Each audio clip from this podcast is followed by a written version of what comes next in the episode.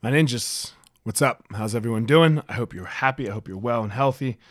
Um, I hope things are opening back up for all of us. So um, you're getting back to some normal life. I know that we've been able to train again at some of the schools, so that's been very nice.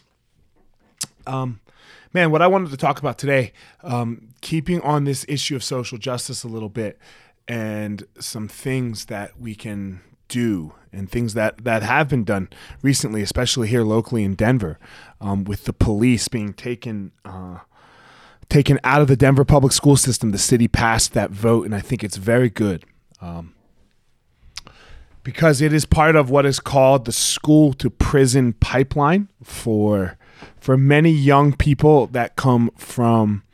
Uh, poor districts, minority districts, heavily minority districts, um, where the cops are in the school all the time, and when there is a issue a problem, uh, the kids just get arrested, right? And that, and now they now they have a record with these police, and uh, their their early interactions with the cops start to go very poorly. Um, so it's not something that we need to have. Where I know in my kid's school district, there's no cops. If there was a fight, then you know, probably either we'd be called into the principal's office. Maybe my, maybe my kid will get suspended or whatever, but there's no arrest. My kids don't get arrested.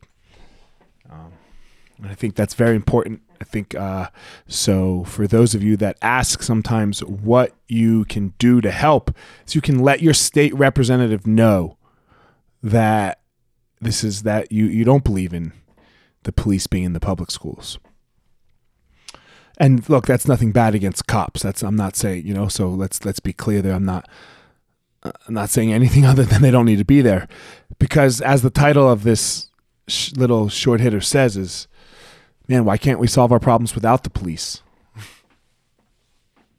Where did where did this go? Why why do we have to call the cops all? Why why do we have to call the police? Why can't we handle two kids getting in a fight in a school? Like we handled like we've always like like i don't know. And, and not not to, to like go back to a time that was better you know? But uh, you know we got into a fight we got suspended. Simple as that. You came back to school three days later maybe you got internal suspension. Uh, and you know fight's done.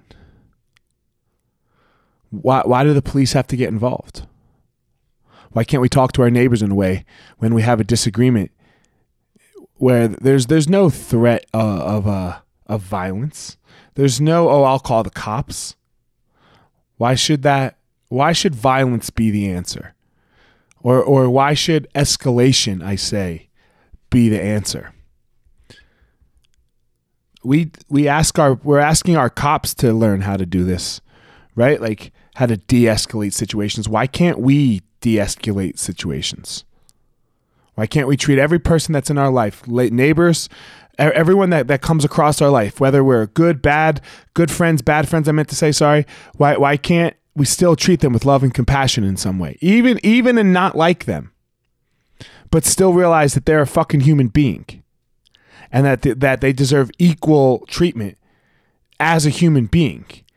Not equal treatment as they get to come to my house and have and uh, to my parties or or, or hang out or, or anything like that.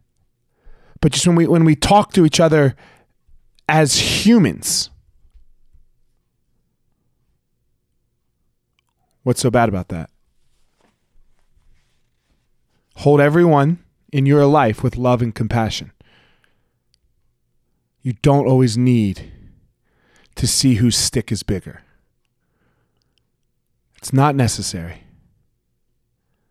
Find your power.